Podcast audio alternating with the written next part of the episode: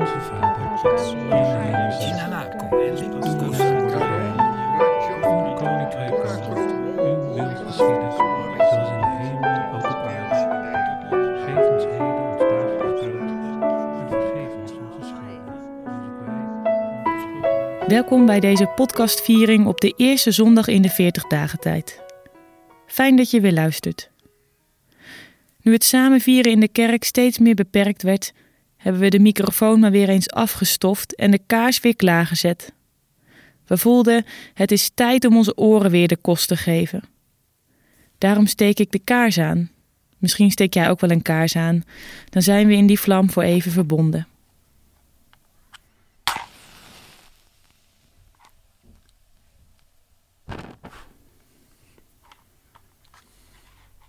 Nu de kaars brandt, wil ik je groeten. Ik begroet je in de naam van God die ooit sprak: Er zij licht. En het was licht. En ik wil je begroeten in de naam van Jezus, Gods licht in de duisternis. En ik begroet je in de naam van de Heilige Geest, die mensen aan het licht brengt. Amen. We zijn dus weer terug met de podcast. Elke zondag in de 40 dagen tijd zal er een podcast zijn. 40 dagen tijd, dat is de periode vanaf As woensdag tot en met Pasen, die in de christelijke traditie dagen van inkeer en versobering zijn. De podcast zal in deze dagen inzoomen op het gebed dat in de vorige podcastreeks ook een prominente rol had, het Onze Vader. Een super oud gebed dat Jezus geleerd heeft. We gaan inzoomen, uitpluizen en stilstaan bij dat gebed. Dat past ook wel bij een tijd als de 40 dagen tijd verdieping. In deze podcast staan we stil bij het eerste gedeelte van het Onze Vader. Onze Vader, die in de hemel zijt, uw naam worden geheiligd. We gaan van start met deze podcastreeks. We beginnen met een gebed. Om ruimte te geven aan dat waar ons hoofd vol van is.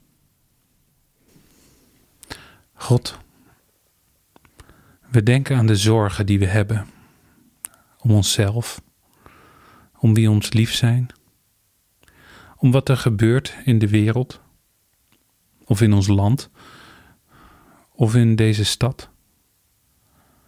En we vragen om vertrouwen in een wereld van wantrouwen en angst. De beelden van onrecht, van lijdende mensen, de verhalen van crisis, van verdriet van economische zorgen. Dat kunnen onze verhalen zijn. Of verhalen waar wij ook door geraakt worden. God, help ons te zien dat juist crisis en tegenspoed vragen om ons vertrouwen in uw toekomst. Dat we geen hopeloze mensen worden, maar hoopvol zullen zijn. Verlos ons van de verlangens die we hebben, maar die ons eigenlijk tot slaaf maken. En ontferm u over ons, over onze hebberigheid, onze jaloezie, onze afgunst, ons eeuwige verlangen naar meer van hetzelfde dat net een beetje beter is. En over onze angst voor wat werkelijk nieuw en onbekend is. Ontferm u over onze ruzies en onze geprikkeldheid, over de gemeenheid waarmee we anderen kunnen kwetsen. God, wek onze zachtheid en geef dat als wij uw naam heiligen, wij vrije mensen worden, kinderen van u, niet bang meer, maar open naar wat op ons toekomt, zodat we klein kunnen zijn voor anderen die bang zijn zodat we groot kunnen zijn voor anderen die steun zoeken. In het vertrouwen dat wij er alle mogen zijn. Heer, ontferm u over ons. Amen.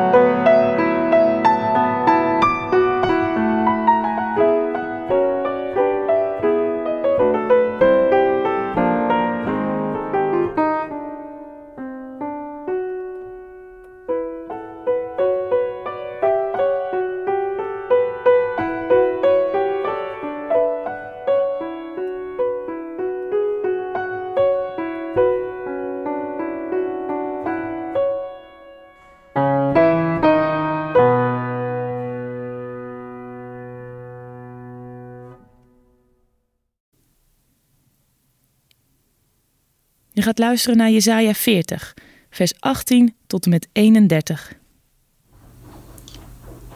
Met wie wil je God vergelijken? Hoe is hij uit te beelden? Met een godenbeeld misschien?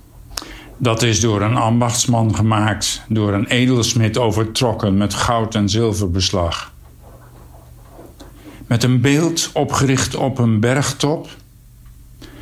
Dat is maar een stuk hout dat niet vermolmt, met zorg gekozen door een vakman die een godenbeeld wil maken dat niet omvalt. Weet je het niet? Heb je het niet gehoord? Is het je niet van meet af aan verteld? Is het niet al helder sinds de grondvesting van de wereld? Hij troont boven de schijf van de aarde. Haar bewoners zijn als sprinkhanen. Hij spreidt de hemel uit als een doek, spant hem uit als een tent om in te wonen. Hij maakt vorsten nietig, de leiders van de aarde onbeduidend. Nauwelijks zijn ze geplant, nauwelijks gezaaid, nauwelijks hebben ze wortel geschoten, of hij blaast over hen en ze verdorren, en de stormwind neemt hen op als kaf. Met wie wil je mij vergelijken, zegt de heilige. Aan wie ben ik gelijk te stellen? Kijk omhoog, wie heeft dit alles geschapen? Hij laat het leger sterren voltallig uitrukken.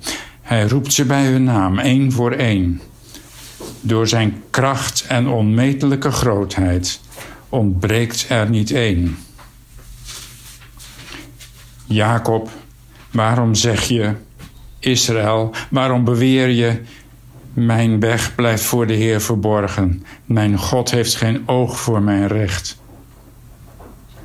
Weet je het niet? Heb je het niet gehoord? Een eeuwige God is de Heer, schepper van de einden der aarde. Hij wordt niet moe, hij raakt niet uitgeput. Zijn wijsheid is niet te doorgronden. Hij geeft de vermoeide kracht. De machtelozen geeft hij macht in overvloed. Jonge strijders worden moe en raken uitgeput. Zelfs sterke helden struikelen. Maar wie hoopt op de Heer krijgt nieuwe kracht. Hij slaat zijn vleugels uit als een adelaar. Hij loopt, maar wordt niet moe. Hij rent, maar raakt niet uitgeput.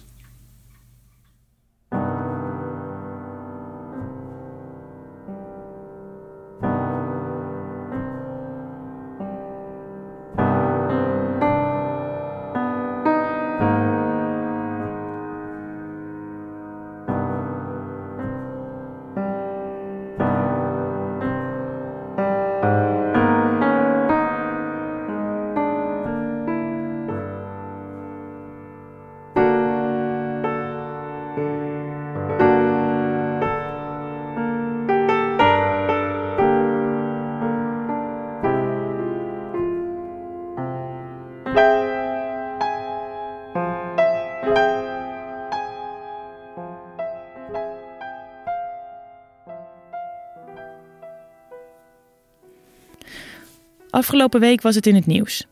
In de gereviseerde Bijbelvertaling van het Nederlands Bijbelgenootschap, die in oktober uitkomt, wordt, wanneer het over God en Jezus gaat, de zogenaamde eerbiedskapitaal weer ingevoerd. Dus als er over God staat dat hij de dieren maakt, is die hij dus met een hoofdletter. Dit in tegenstelling tot de afgelopen Bijbelvertaling van 2004, waarin juist de kleine letter werd ingevoerd. Dit doen ze nu, zo laten ze weten, om weer aan te sluiten bij een traditie die nooit is weg geweest. Een groep feministische theologen kwam in opstand hiertegen. De hoofdletter werd als een klap in het gezicht ervaren voor deze vrouwen. Het zou ten onrechte de mannelijkheid van God benadrukken.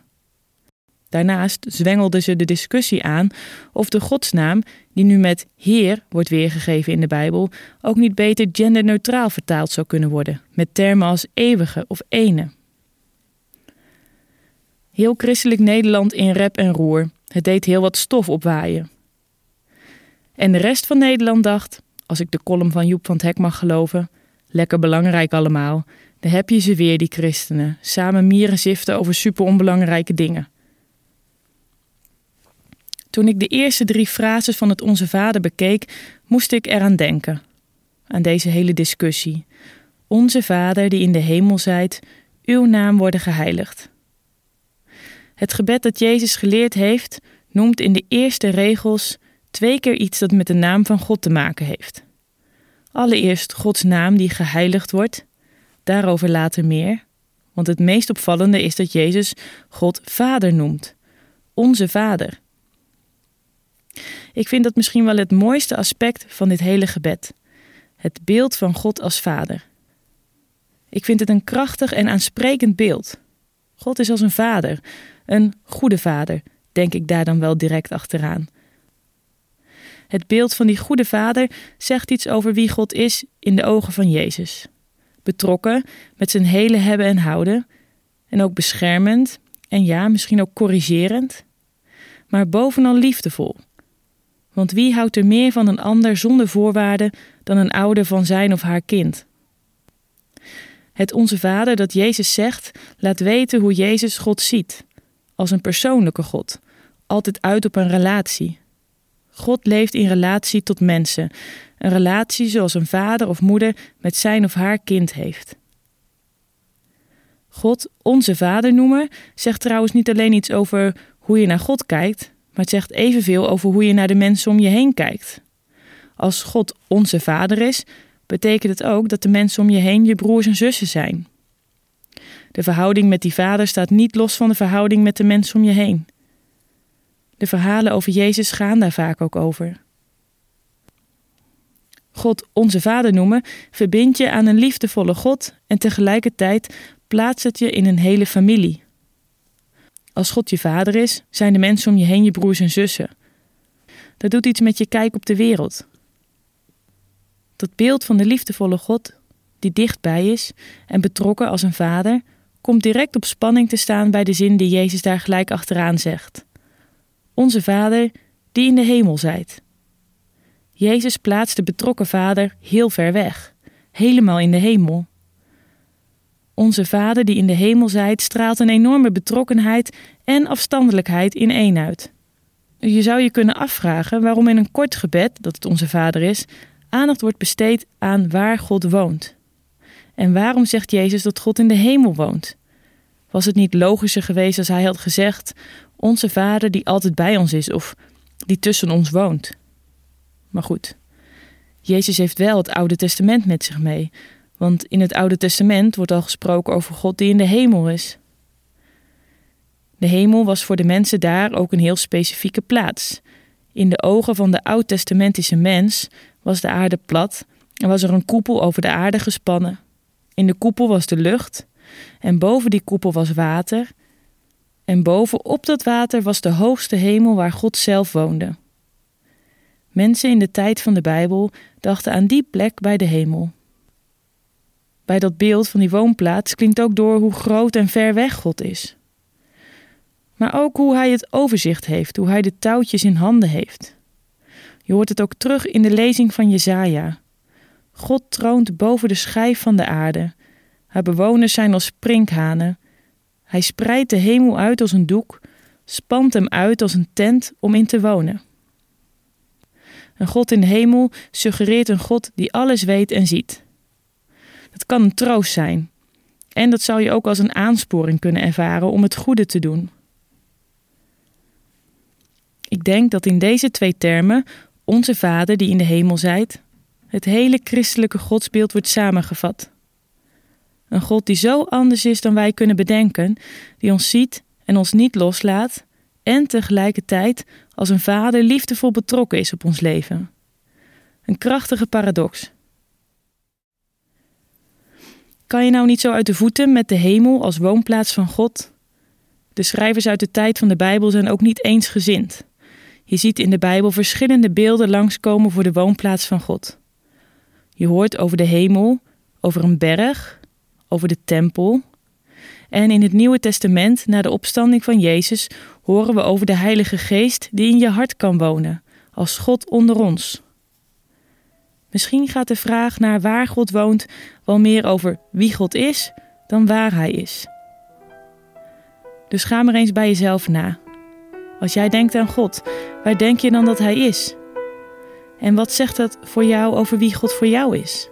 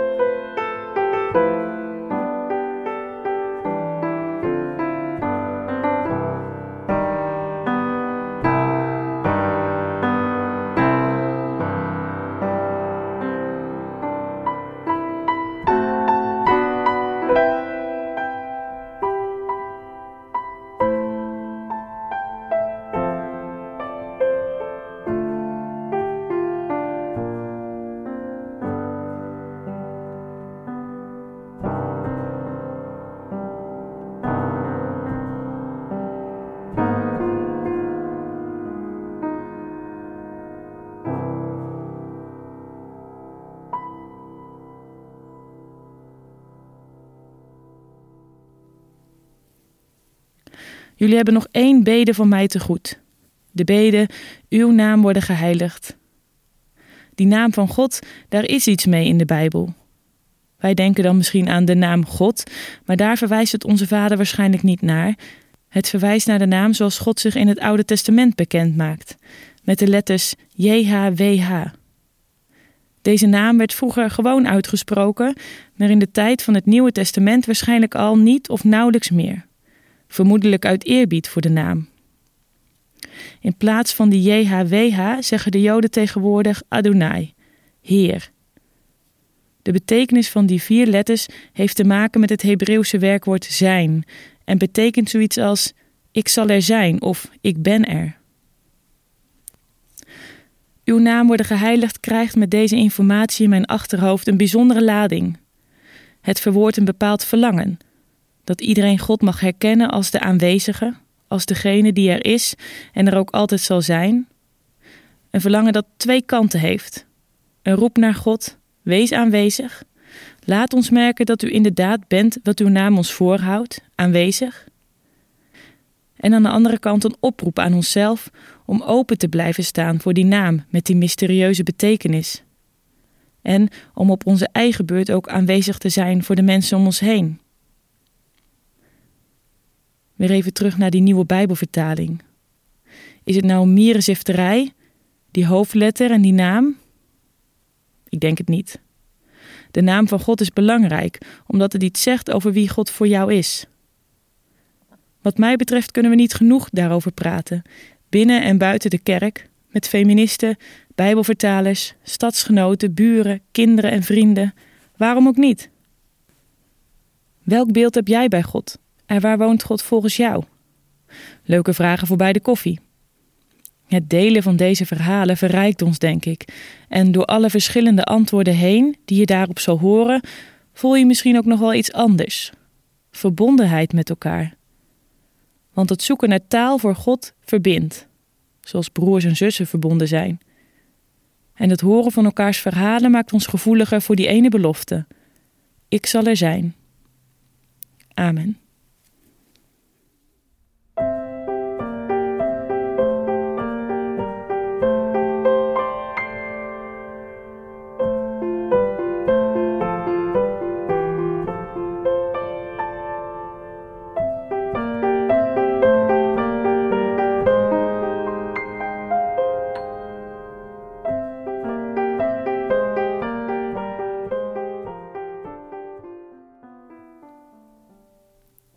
Laten we dan nu, verbonden in die ene beweging van mensen die God zochten en zoeken, die ene beweging die je ook wel familie kan noemen, samen de woorden bidden die Jezus ons leerde.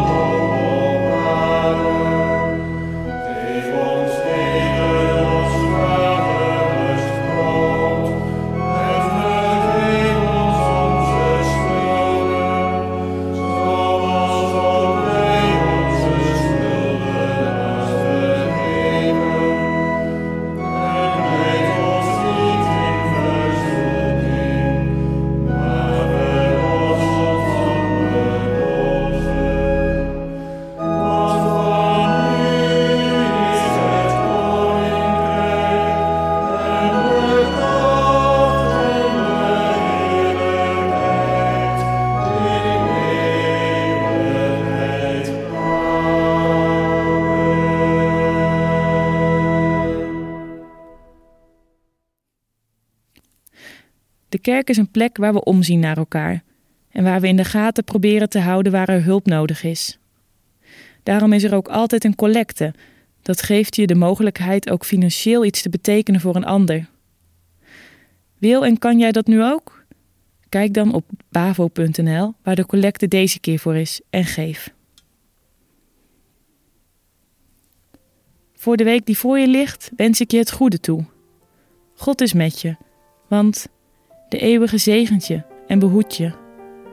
De eeuwige doet haar aangezicht over je lichten en is je genadig. De eeuwige verheft zijn aangezicht over je en geeft je vrede.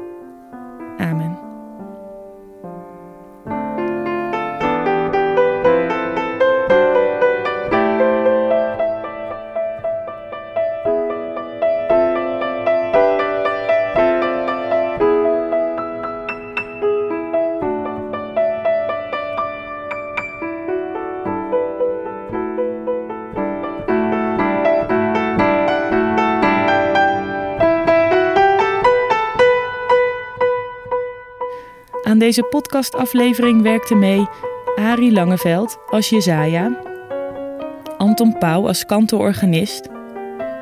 Je hoorde een oude opname van de zangers van de oude Bavelkanterij die het Onze Vader zongen. De opnames werden gemaakt door Michel Zera. Je hoorde dominee Tom de Haan bidden. Hij monteert ook altijd de podcast. En je hoorde mij. Ik ben dominee Willemijn van Dijk.